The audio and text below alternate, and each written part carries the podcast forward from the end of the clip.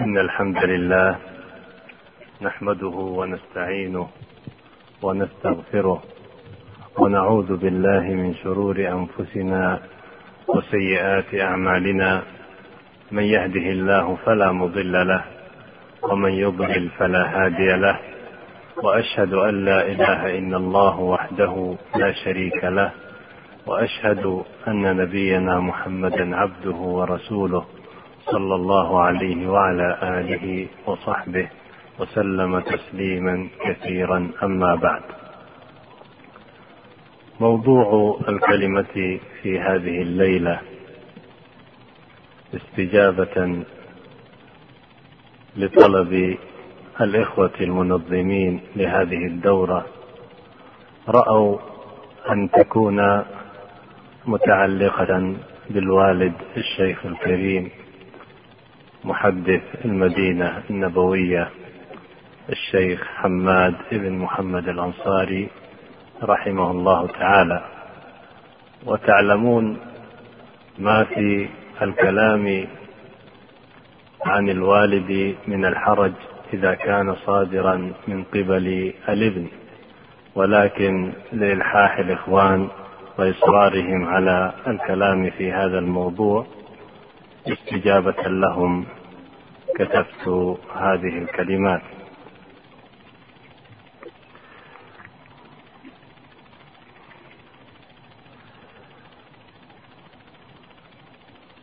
نسب الوالد ومولده ووفاته. هو حماد بن محمد بن محمد الأنصاري. يعود نسبه إلى سعيد بن سعد بن عبادة رضي الله عنهما الخزرجيان الأنصاريان ولد رحمه الله تعالى سنة ألف وثلاثمائة وأربعة وأربعين ومولده هذا مضبوط بحادثة وهي أنه سأل والدته عن وقت مولده فقالت له أنت ولدت في السنة التي أخذ فيها الملك عبد العزيز رحمه الله تعالى المدينة النبوية ودخلت تحت حكمه. وكان ذلك في سنة ألف وثلاثمائة وأربعة وأربعين وهذا تاريخ دقيق لمولده لربطه بتلك القضية التاريخية. ولد الشيخ في بلدة تادا مكة في الصحراء الكبرى في أفريقيا وهي الآن في ضمن حدود دولة مالي. ونزح أجدادنا من الأندلس حينما بدأت تتساقط تحت أيدي الصليبيين وكثرت فيها الفتن والقلاقل فنزحوا منها إلى بلاد المغرب ثم إلى جنوب الصحراء الكبرى حيث سكنوا هناك وجاوروا قبائل الطوارق وكانت تلك المناطق آمنة كثيرة الخير وفيرة الأمطار بعيدة من الفتن المنتشرة في تلك الأزمان وآثر أجدادنا البقاء فيها وكانوا هم أهل العلم المسؤولين عن الفتوى والقضاء فيها فأفاد منهم الطوارق وغيرهم من جيرانهم من السودان في انتشار العلم في تلك المناطق. توفي الوالد رحمه الله تعالى في الساعة السابعة من صباح الأربعاء الموافق واحد وعشرين جماد الآخرة عام ألف وأربعمائة وثمانية عشر. وصلي عليه بعد صلاة عصر ذلك اليوم في المسجد النبوي الشريف ودفن في البقيع وكانت جنازته مشهودة.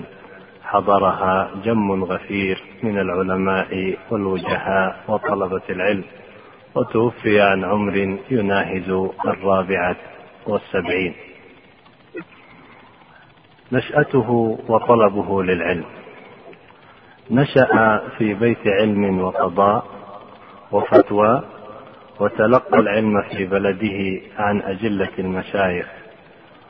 وكان الوالد رحمه الله قد نشأ يتيما حيث توفي الجد والوالد في سن صغيرة. نشأ عند خاله الشيخ محمد أحمد بن تقي الأنصاري الملقب بأستاذ الأطفال. وهو في العاشرة لحفظ القرآن الكريم غيبا وتجويده فأكمل حفظه وتجويده وهو ابن خمس عشرة سنة. وأخذ عن خاله مقدمة رسالة ابن أبي زيد القيرواني في علم التوحيد وهي مقدمة لطيفة الحجم فيها تأصيل للعقيدة السلفية. كما تلقى عن خاله الشيخ محمد أحمد بن تقي علم النحو والتصريف فحفظ الآج الرومية ثم ملحة الإعراب للحريري ثم ألفية ابن مالك ثم الزوائد عليها من الكافية له حتى برز على أقرانه في هذين العلمين. ولأهل تلك البلاد عناية كبيرة بعلوم اللغة فلذلك كما تلاحظون تنوعت هذه المنظومات والمتون وهي في علم واحد وذلك لما كان عليه أهل البلاد من العناية باللغة العربية ونحوها.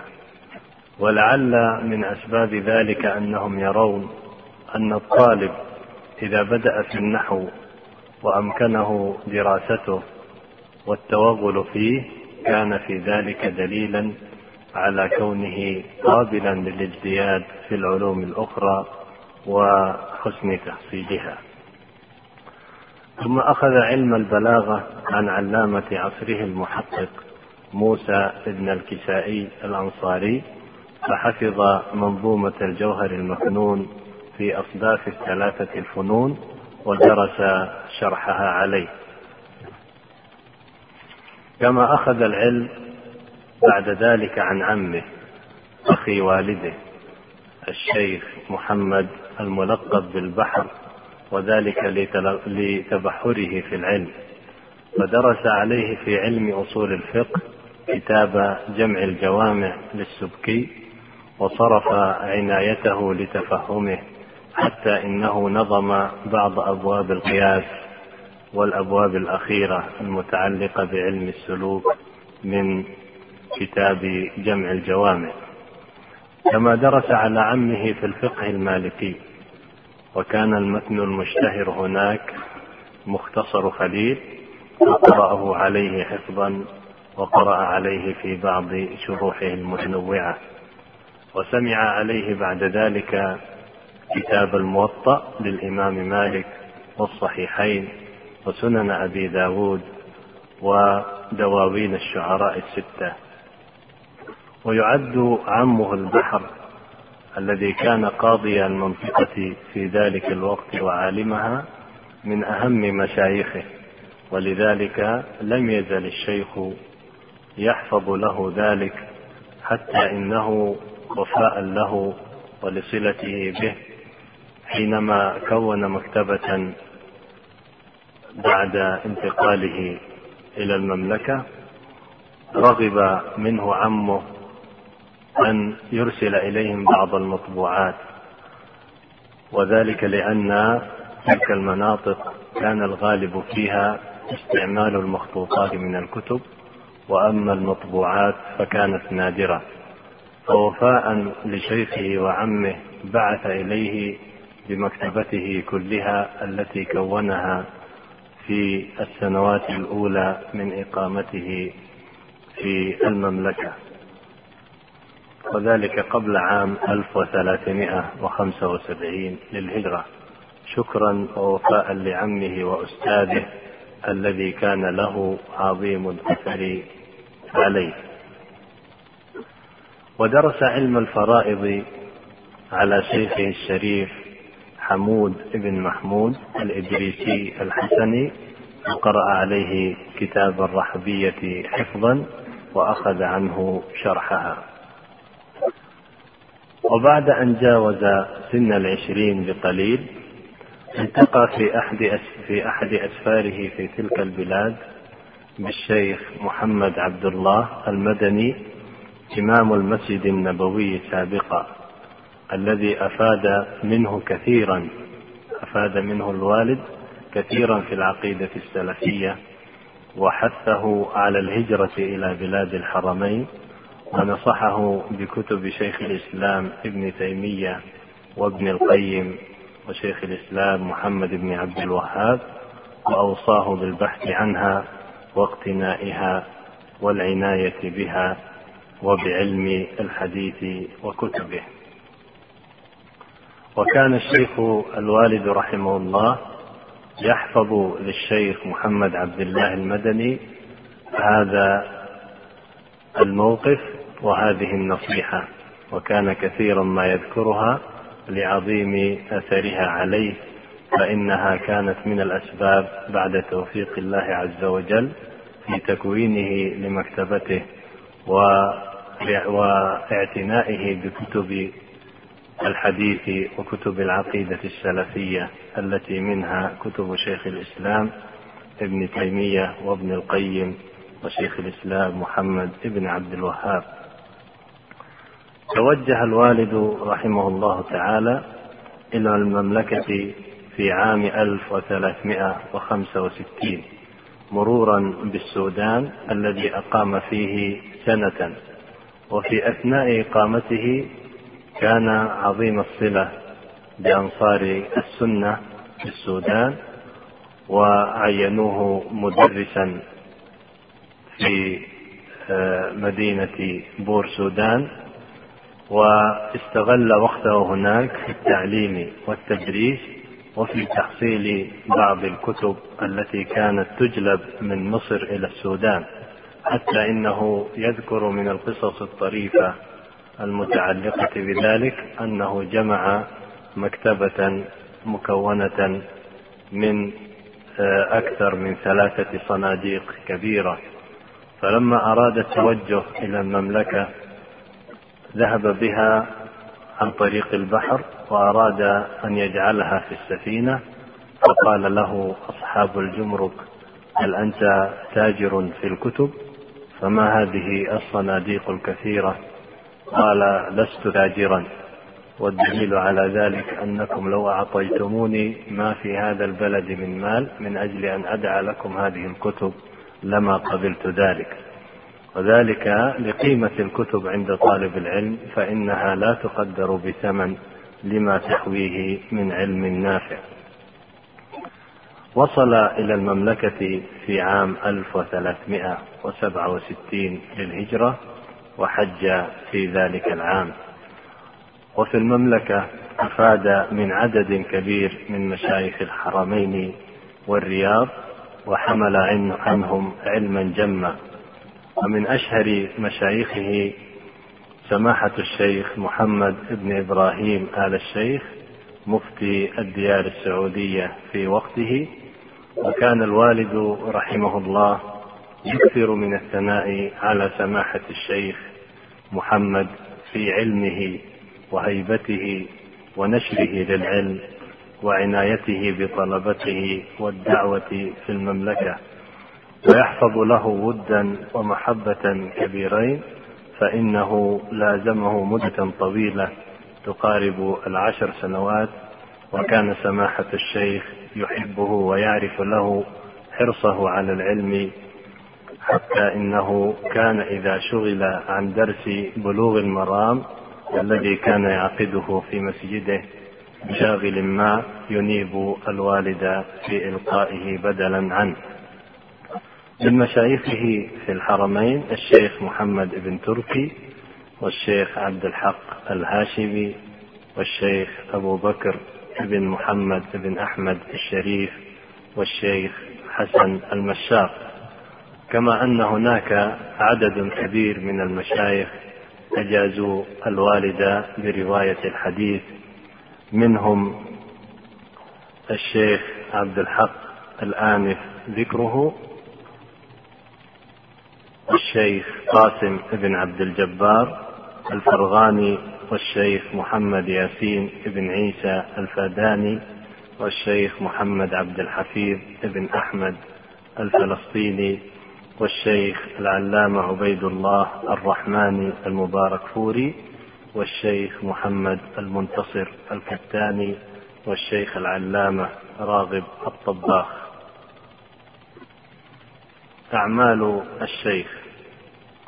اشتغل الوالد الشيخ رحمه الله تعالى بالتدريس في المدرسة الصولتية بمكة المكرمة ثلاث سنوات من سنة 1372 إلى سنة 1375 وفي سنة 1375 انتقل إلى الرياض مدرسا في المعاهد العلمية والكليات التي كانت أساسا ونواة لجامعة الإمام محمد بن سعود وكانت تسمى إدارة المعاهد والكليات قبل تسميتها بجامعة الإمام محمد بن سعود.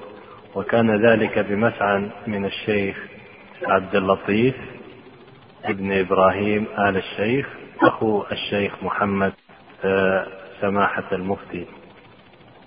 وفي سنة 1385 انتقل إلى الجامعة الإسلامية بالمدينة النبوية مدرسا في كلياتها المختلفة ودرس في كلية الشريعة وكلية الدعوة وفي الدراسات العليا حيث انتقل إليها في سنة 1396 للهجرة ومكث فيها إلى أن تقاعد عن العمل الرسمي سنة 1410 وأشرف وناقش عددا كبيرا من الرسائل العلمية في الجامعة الإسلامية وغيرها من الجامعات. ومن أعماله الأخرى أنه كان له دروس عديدة في المسجد النبوي ومما قرئ عليه فيه كتاب الموطأ وجامع الإمام الترمذي وكتاب التوحيد لابن خزيمة وعلم الفرائض واللغة العربية.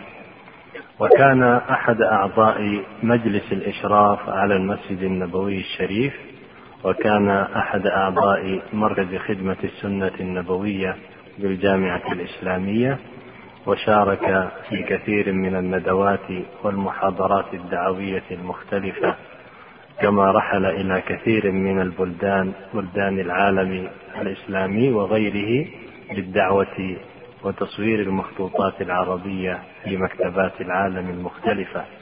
وكانت له في السنوات الأخيرة من عمره دروس في منزله في صحيحي الإمام البخاري ومسلم وفي كتاب منتقى الأخبار للمجد بن تيمية وشرحه نيل الأوطار.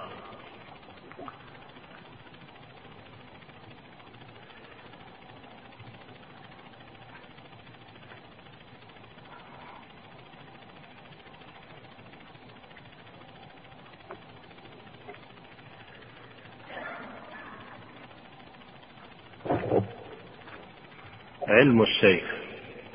تقدم من خلال ما سبق ذكره في مشايخه. أنه رحمه الله جمع من علوم الشريعة المتنوعة ما أهله لأن يكون أحد أعلام العلماء في هذا العصر. فقد كان عالما راسخا في العقيدة السلفية والرد على المخالفين فيها. ومحدثا عارفا بعلم الحديث ضابطا لعلومه واسع الرواية فيه. ونحويا ضليعا فقد كان علم النحو والصرف أحد الفنون التي تميز بمعرفتها وتوغل فيها فهو من علوم تلك البلاد التي قدم منها يولونه, يولونه عناية خاصة. وكان ذا دراية بعلم التفسير وخاصة التفسير بالمأثور فله اهتمام به وبجمع كتبه المخطوطة والمطبوعة. له في الفقه تضلع كبير وذلك لجمعه بين دراسة الفقه المذهبي ودراسة فقه الحديث وكان متبعا يمقت التعصب. وكان مرجعا في الفتوى لأهل المدينة حتى كان هاتفه في مكتبته وبيته لا يكاد يمر وقت قليل إلا وسائل يسأل عن فتوى أو مسألة علمية. الشيخ رحمه الله لم يكن جماعة للكتب بل كان عالما راسخا في علمه كانت لديه إن صح التعبير خزانتان. إحداهما ما حواه صدره من علم جم في فنون متعددة فهو مع حفظه لكتاب الله عز وجل وألوف الأحاديث النبوية كان يحفظ عددا كبيرا من المنظومات وأشعار العرب والمتون العلمية. وعلمه ومعرفته ساعداه بتوفيق الله عز وجل على جمع مكتبته واختيار علائق الكتب ونفائسها. وأما الخزانة الثانية فهي مكتبته.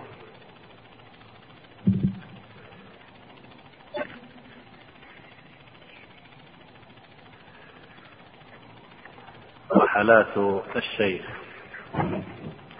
تقدم قبل قليل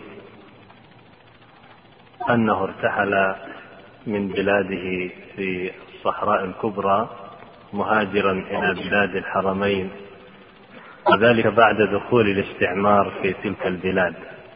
فآثر أن ينتقل إلى بلاد تقيم شرع الله عز وجل ويحكمها ولاة أمر راشدون يطبقون الشرع ويعدلون في الناس. وبعد استقرار الشيخ في بلاد الحرمين وعمله في الجامعة الإسلامية في المدينة النبوية انتدب في عدة رحلات علمية. غالبها كان المقصود منه الاطلاع على محتويات بعض المكتبات العالمية من مخطوطات السنة النبوية المشرفة والعلوم المتصلة بها. ومن ثم القيام بتصوير ما يحتاج إليه منها فارتحل إلى الدول الآتي ذكرها.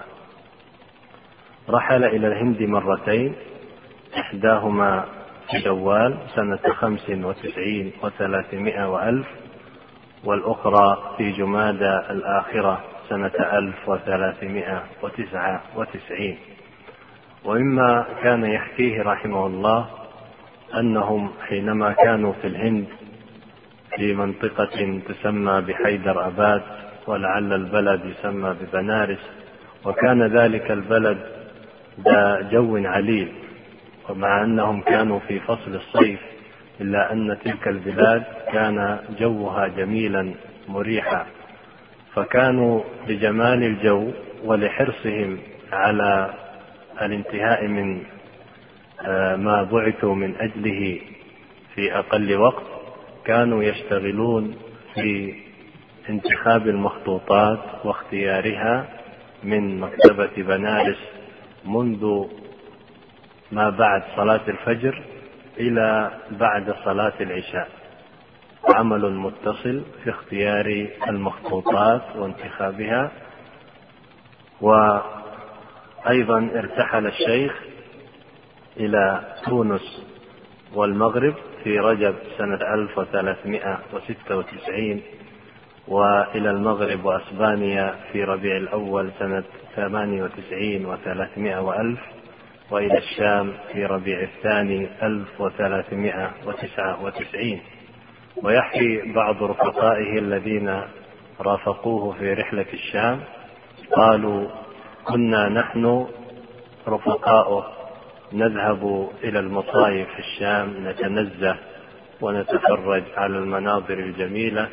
وكان الشيخ يعكف في المكتبة الظاهرية طول وقته لا يخرج منها ينتخب مخطوطات الحديث والعقيدة السلفية التي يرغب في تصويرها للجامعة.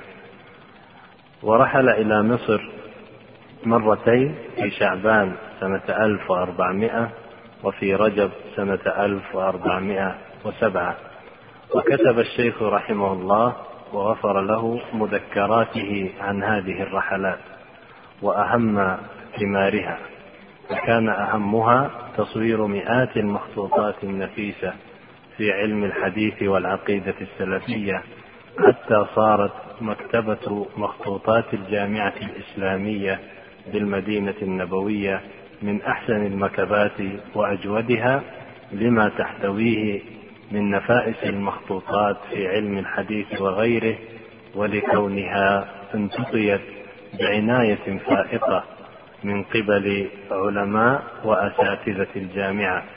وكان أكثرهم اهتماما وعناية بهذا الشأن الوالد الشيخ أعظم الله له الأجر والمثوبة. وحدثني بعض المسؤولين في المكتبة أن بعض طلبة الدراسات العليا الذين يقدمون من المدن الأخرى كمكة أو الرياض أو من هنا من الكويت كانوا يتعجبون من وفرة مصورات المخطوطات في الجامعة الإسلامية وتنوعها وحسن انتقائها فكان المسؤولون يقولون لا تتعجبوا فإن هذه المكتبة قام باختيار ما فيها علماء كبار منهم الشيخ بن محمد الأنصاري. مؤلفاته في الحديث وعلومه وهي أنواع منها مؤلفات في تراجم رواة الحديث منها كتاب في الألقاب يسمى فتح الوهاب ومنها في تراجم شيوخ الطبراني بلغة القاصي والداني ومنها كتاب في ذكر الرواة المدلسين ومنها كتاب آخر في من عرف بالاختلاط من الرواة. وفي مصطلح الحديث له مؤلف مختصر على طريق السؤال والجواب سماه يانع الثمر في مصطلح أهل الأثر. وجمع ثبتا فيه مروياته ومشيخته سماه إتحاف القاري في أسانيد الأنصاري وشرع في تخريج أحاديث كتاب بداية المجتهد لابن رشد سماه سبيل الرشد في تخريج أحاديث ابن رشد وله فتاوى حديثية متفرقة يعمل الآن على ترتيبها وإعدادها للطبع. ومن مؤلفاته أجزاء حديثية متفرقة في مسائل مختلفة منها أدلة رفع اليدين في الدعاء وما ورد في ليلة النصف من شعبان وبطلان الخبر المتضمن عرض السنة على القرآن ورفع الاشتباه عن حديث من صلى في مسجدي هذا أربعين صلاة وتحقيق القول في حديث من مضى عليه خمسة أعوام ولم يحج أو يعتمر. وعمل الشيخ على تحقيق بعض المخطوطات الحديثية ومما طبع له من التحقيقات المستفاد في مبهمات المتن والإسناد للحافظ أبي زرعة العراقي وديوان الضعفاء وذيله للحافظ الذهبي.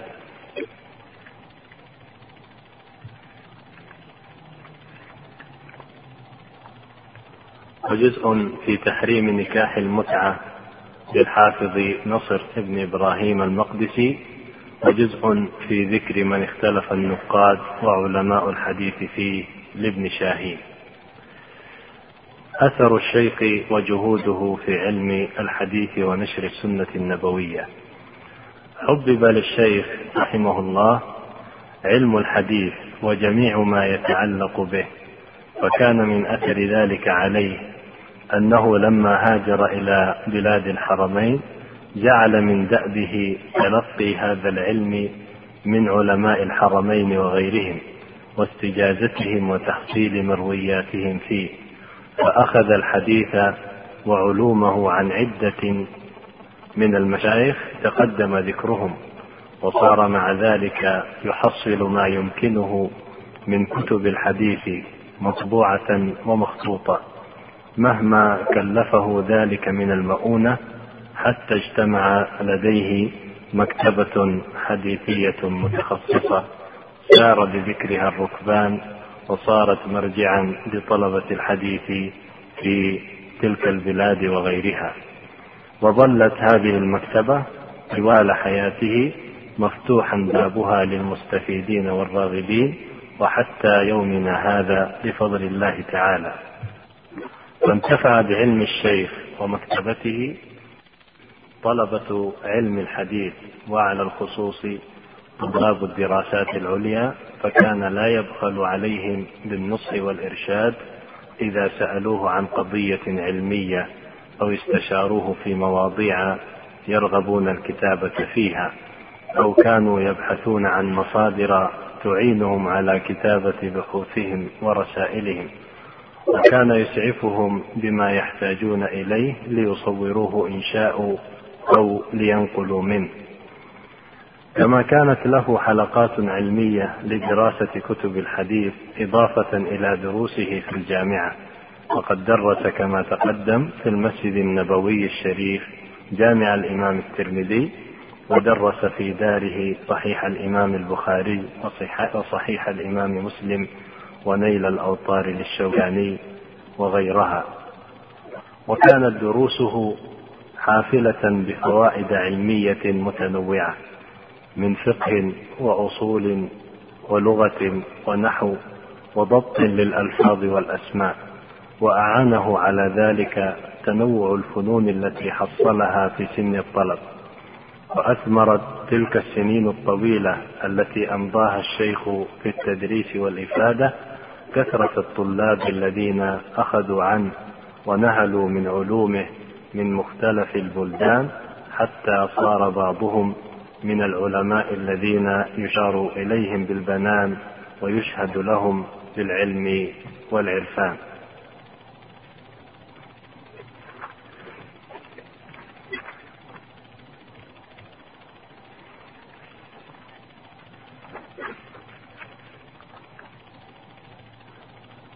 هذه بعض الكلمات لبعض أهل العلم وطلبته في الثناء على الشيخ ومكتبته.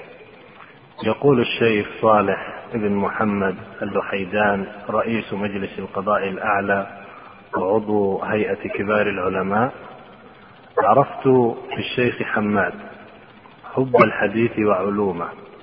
والحرص على جمع كتبه الخاصة بعلوم الحديث وفقهه وما يتعلق برجاله ويسعى لجمع مخطوطاته ويبذل في ذلك الجهد والمال. وإن الذي كان محل إعجابي وعجبي منه صبره على الناس من طلبة العلم وبذل جهده ومكتبته للمراجعين وتسامحه في كل ما يتعلق بتصوير كل ما في مكتبته. قال الشيخ عبد الوهاب بن عبد العزيز الزيد تكون لدى الشيخ حماد مكتبة قيمة فيها من نفائس الكتب والمخطوطات الشيء الكثير ولم يكن هذا إلا بعد بذل ماله وراحته في جمعها واقتنائها والسفر لتحصيلها. فاجتمع لديه من مهمات المخطوطات ما جعله منارا في هذا الباب وجعل طلاب العلم يفدون إلى مكتبته للنهل من معينها والاستفادة من عيونها. فأصبح الشيخ عالما في المخطوطات فلا تذكر إلا ويذكر معها. ومع هذا بذل هذه المكتبة لطلاب العلم وفتح بابها طيلة الأيام نسأل الله أن يجعل ذلك في موازين حسناته. ويقول الدكتور عبد العليم البسوي إن ذكر الشيخ رحمه الله لا يتم إلا إذا ذكرت معه مكتبته العامرة الزاخرة بأثمن الكنوز من المطبوعات والمخطوطات والمصورات من المكتبات ما هو أكبر ومن المكتبات ما هو أكبر حجما وأكثر عددا من مكتبة الشيخ ولكن يصعب وجود مثلها من النخبة في مكان واحد. وعلى الرغم من ندرة ما فيها من الكتب المطبوعة والمخطوطة أو المصورة فإن الشيخ لم يكن يضن بها على طلبة العلم بل كان يرحب ويسهل لهم الاستفادة منها. قال الشيخ نظام يعقوبي أحد علماء البحرين جمع الشيخ خلال عمره المديد في طلب العلم وتدريسه ورحلاته مكتبة نفيسة زودها بنفائس المصورات المخطوطة والرسائل الجامعية ونوادر الكتب ويندر وجود مكتبة حديثية مثلها في الدنيا. ومع هذا فقد فتح الشيخ أبواب مكتبته وجعلها موئلا للباحثين وطلبة العلم لا يبخل عليهم بإعارتها وتصويرها والاستفادة منها مع إرشادهم وتوجيههم دون كلل أو ملل.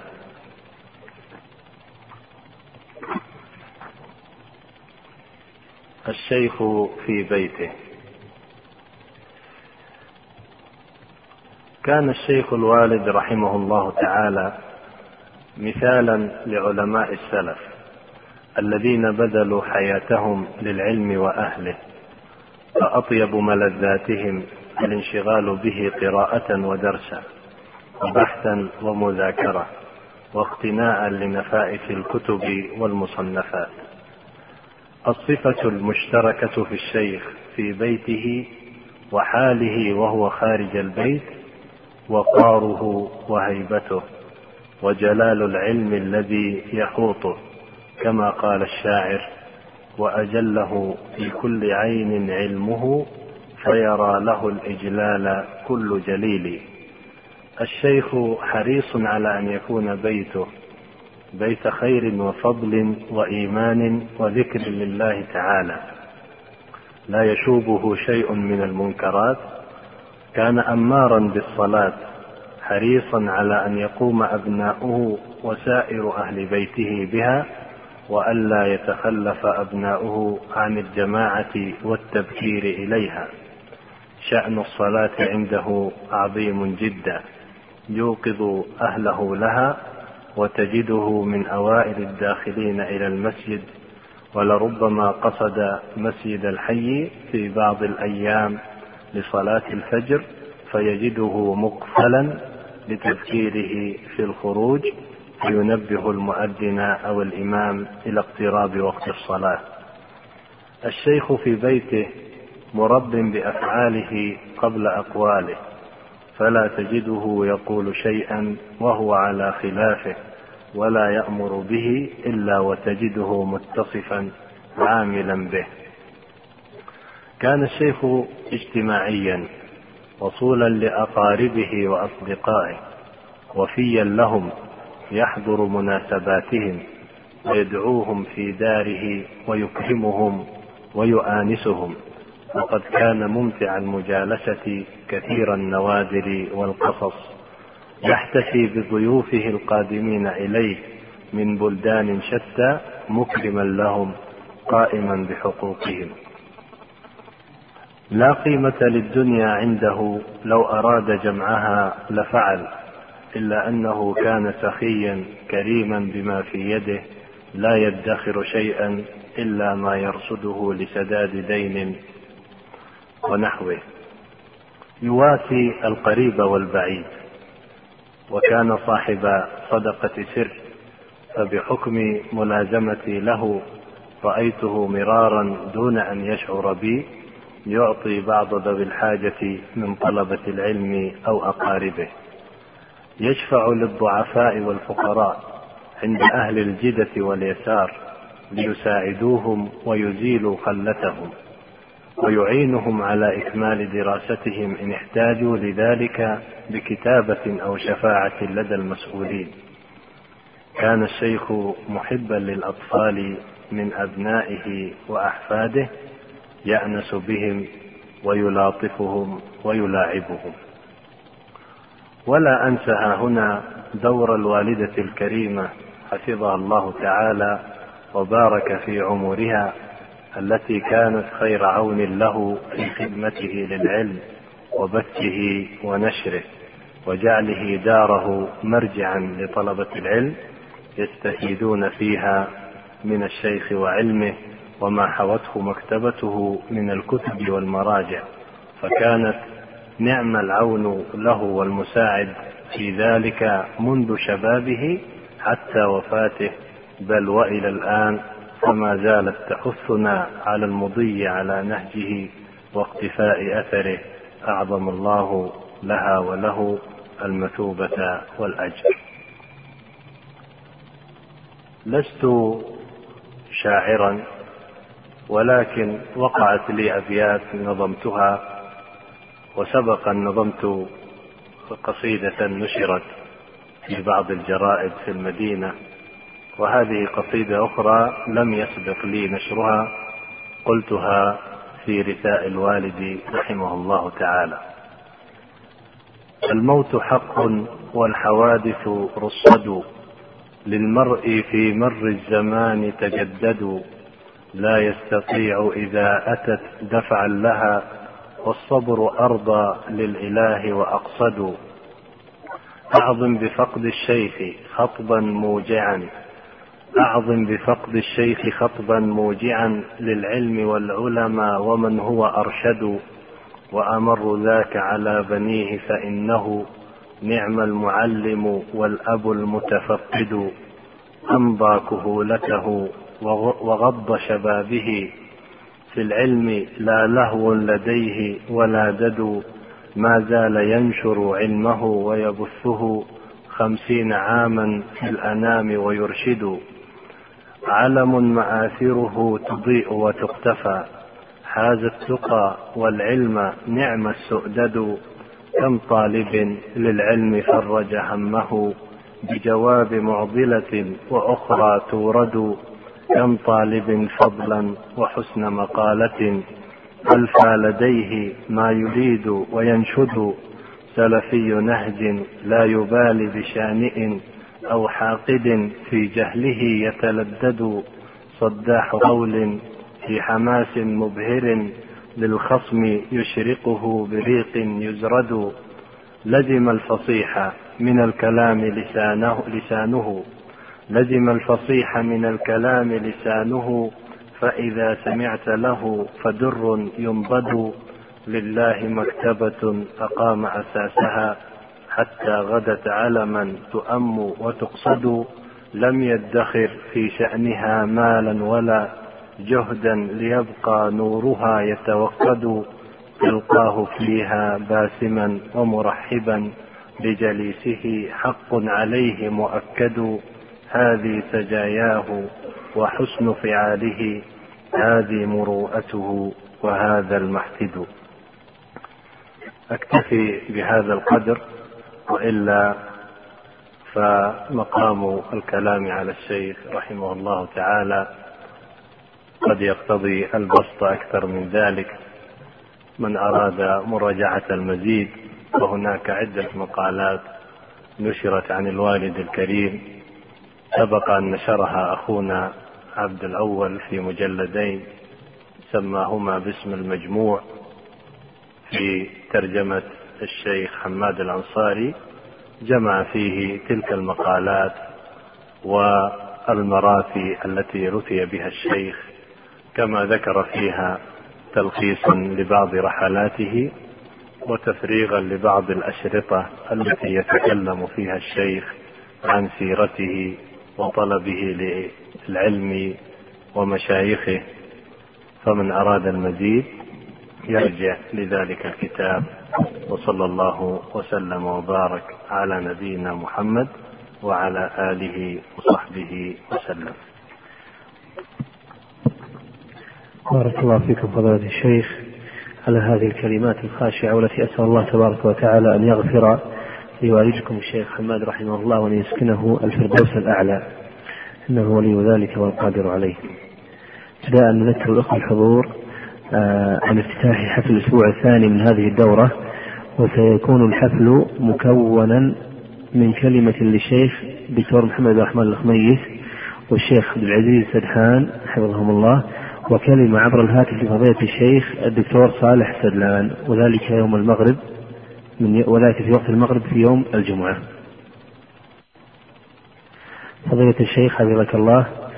هذا سائل يقول هل كان للشيخ رحمه الله مواقف مع الشيخ الأمير رحمهم الله؟ وكيف رحل الشيخ إلى بلاد الحرمين؟ يقول هل كان للشيخ رحمه الله مواقف مع الشيخ الأمين محمد الأمين رحمه الله؟ وكيف رحل الشيخ حماد إلى بلاد الحرمين؟ نعم.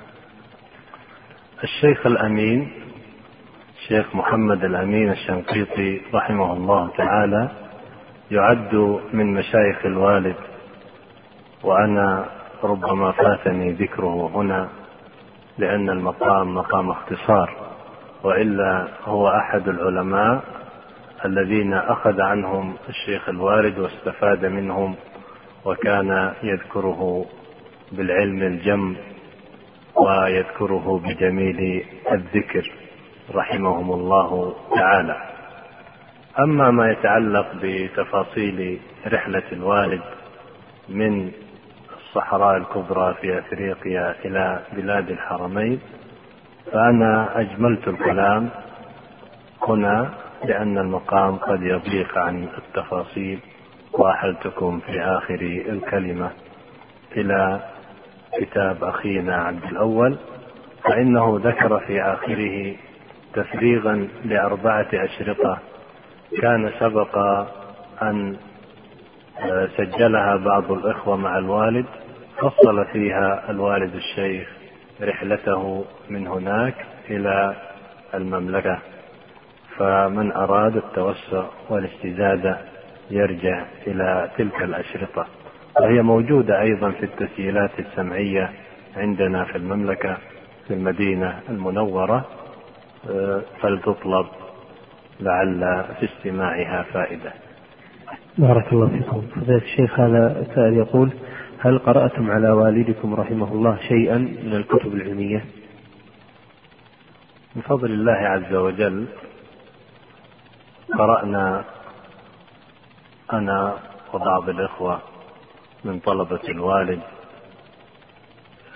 كثيرا من الكتب وقرأت عليه في ألفية ابن مالك وقرأنا عليه كتابه يانع الثمر في مصطلح أهل الأثر وقرأت عليه في شرح الطحاوية لابن أبي العز وكنت ملازما لدروسه في صحيح البخاري وصحيح مسلم وفي القراءة في منتقى الأخبار وشرحه نيل الأوطار وغير ذلك من حضور مجالسه في مكتبته التي يكثر فيها ذكر كثير من الفوائد لأنه يسأل في أثناء جلوسه عن كثير من المسائل العلمية فاستفدنا من ملازمته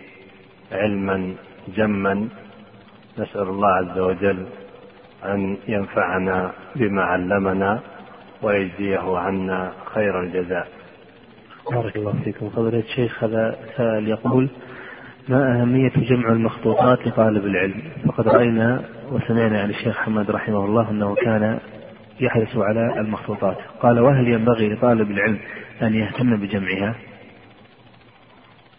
الاعتناء بالمخطوطات لطالب العلم المتخصص جانب مهم وإن طلبة العلم يتفاوتون.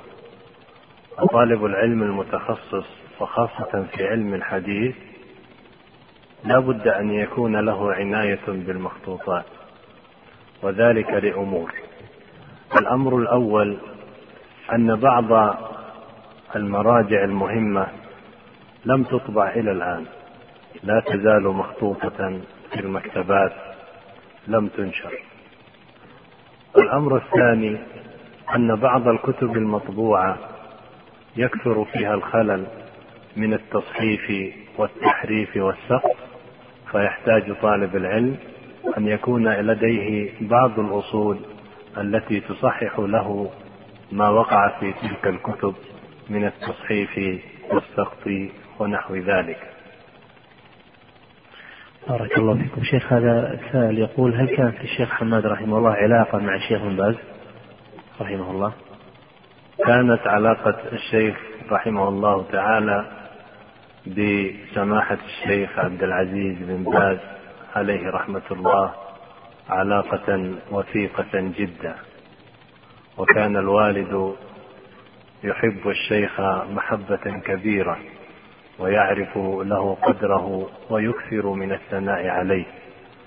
وكان لهم مزاملة أو تزامل في أثناء إدارة الشيخ عبد العزيز للجامعة الإسلامية في الثمانينات الهجرية. وأوائل التسعينات. وكان الوالد عليه رحمة الله صلته به قوية حتى بعد انتقاله بعد انتقال الشيخ عبد العزيز إلى الرياض بالمراسلة والمهاتفة. وحين كان الشيخ في مرض وفاته حضر إليه الشيخ عبد العزيز وكان الشيخ فاقدا لوعيه في تلك الفترة فحضر الشيخ عبد العزيز عليه رحمة الله فأخذ يقرأ عليه ويرقيه وذلك للصلة القوية التي كانت بينهما رحمهم الله تعالى. بارك الله فيكم فضيلة الشيخ هذا آخر يسأل عن علاقة الشيخ رحمه الله مع الشيخ الألباني رحمه الله. أيضا كانت العلاقة بين الوالد والشيخ الألباني علاقة قوية وكان إذا حضر بعض تلامذة الشيخ كالشيخ علي حسن عبد الحميد ونحوه من تلامذة الشيخ الألباني فإن الوالد الشيخ يحملهم سلامه إلى الشيخ الألباني. وأيضا علاقة الشيخ الألباني بالوالد جيدة فإنه كان يثني عليه في بعض كتبه كالسلسلة الضعيفة وغيرها. بارك الله فيكم فضيلة الشيخ. هذا سائل يقول حدثنا غير مأمور عن موقف يعني مؤثر بينك وبين والدك رحمه الله.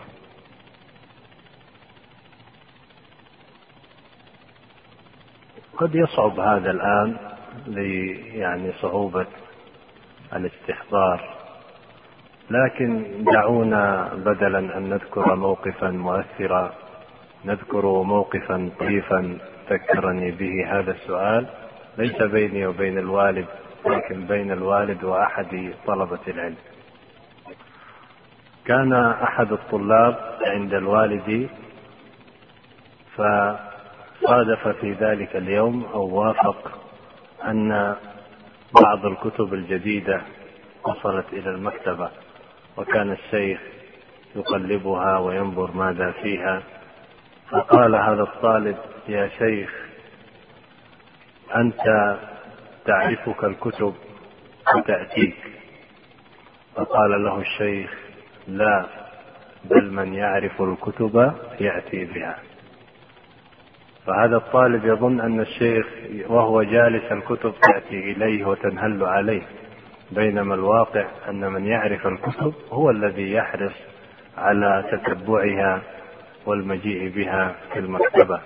فكان هذا جواب آه، مسكت قلب فيه السؤال الذي سأله ذلك الطالب وهذا بذكاء الشيخ وحسن رده بهذا الرد اللطيف.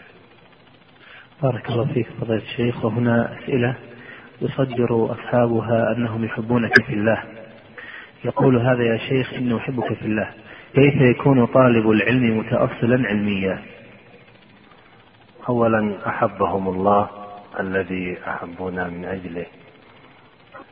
وثانيا التأصيل العلمي سبق في درس مضى وفي درسنا هذا بيان ما يتعلق به.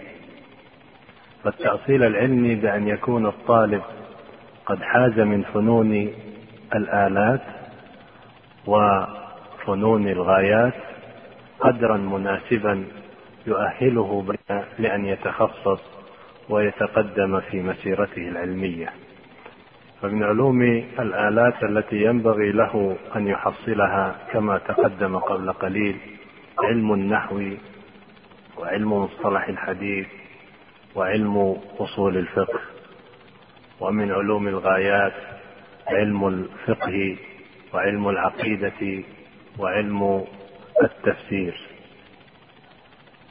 فإن الطالب إذا أخذ من هذه العلوم بعض المختصرات وحفظها أولا ثم أخذها عن شيخ أخذ شرحها على شيخ متقن لها ثم اعتنى بتقييد ما يمر معه على ذلك الشيخ من الفوائد والشوارد ثم كان يراجع تلك الفوائد والشوارد والشروح التي حصلها عن ذلك الشيخ فإنه إذا اجتمعت فيه هذه العلوم بهذه الطريقة بعد حفظ كتاب الله عز وجل فيكون طالب علم متأصل يستطيع بعد ذلك أن يبني على هذه الأسس حتى يصبح من العلماء الذين يشار إليهم بالبنان ويخدمون هذا العلم